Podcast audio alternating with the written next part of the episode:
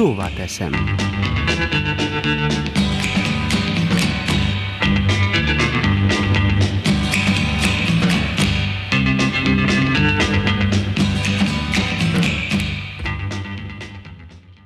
Jó napot kívánok! Ezen a földön úgy működnek a játékszabályok, hogy mindennek megvan a maga ára. Mindent megtehetünk, mindent kipróbálhatunk, azonban a felelősséget is viselnünk kell. És mi emberek, így összesen több mint 7 milliárdan már rengeteget megengedtünk magunknak. És már annyi mindent megtettünk, kipróbáltunk ezen a kis bolygón. Most csak annyi történik, hogy eljött az ideje, amikor a Föld, vagy mondhatjuk, hogy maga az élet benyújtja a számlát. Tudom, hogy én is bűnös vagyok. Mert azon, mert azon kapom magam, hogy például örülök a hó és a hidegmentes tél nyújtotta kényelemnek. Milyen jó is, hogy nem kell bajlódni a közlekedésben a hóval. Nem kell vastagon öltöztetni a gyereket. Nem rontja kedvemet a szürke, sötét téli időjárás. Kevesebb a fűtésszámla, meg a bőröm se olyan száraz. Aztán utána például a szemetelésnél is sokszor úgy vagyok vele, hogy ugyan már teljesen mindegy, hogy én mit és mennyit szemetelek, úgysem rajtam fog múlni a világ sorsa. Meg amikor új autót tervezek venni, akkor is azt gondolom, hogy ej, hát nem fogok én annyi pénzt adni azért az elektromosért vagy hibridért, maradok még a jó öreg benzinesnél vagy dízelnél. Pedig tudom jól, hogy azzal én is napi szinten fogom tovább rombolni a levegő minőségét és a klímát. Az a gond, hogy nehéz odafigyelni, nehéz megállni valamit, megtartóztatni magunkat, amikor nem érezzük igazán a motivációt. Az nem volt elég, hogy évek óta azt hallgatjuk, jön a klímakatasztrófa. Úgy látszik, még az sem elég, hogy most már tényleg itt van a klímakatasztrófa.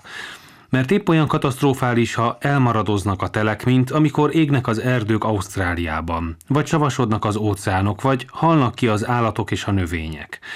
Ráadásul minden sokkal gyorsabban történik, mint ahogy azt a tudósok előre megmondták.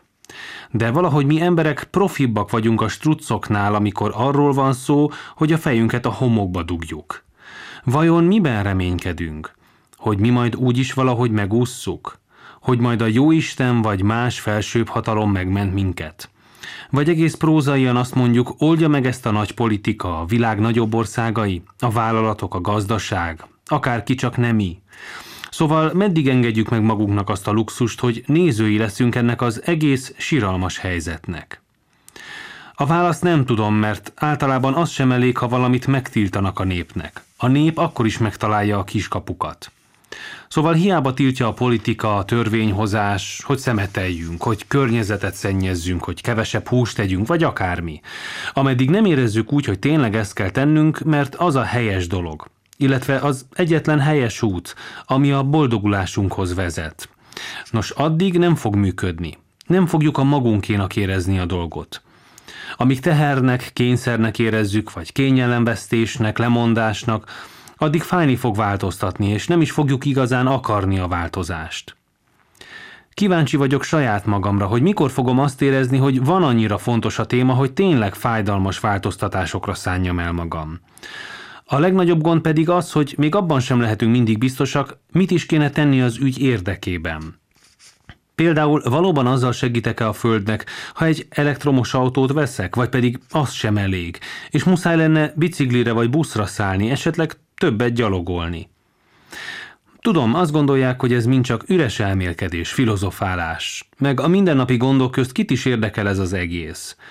Pedig ez lesz az a kérdés, amivel mindenkinek, tényleg mindenkinek szembesülnie kell majd, méghozzá nem is a távoli jövőben. Az is megeshet, hogy rajtunk is számon kérik majd a viselkedésünket saját gyermekeink, úgy, ahogy most azt Greta Thunberg és társai kérik számon a korábbi nemzedékeken. Vajon mit tudunk majd mondani nekik?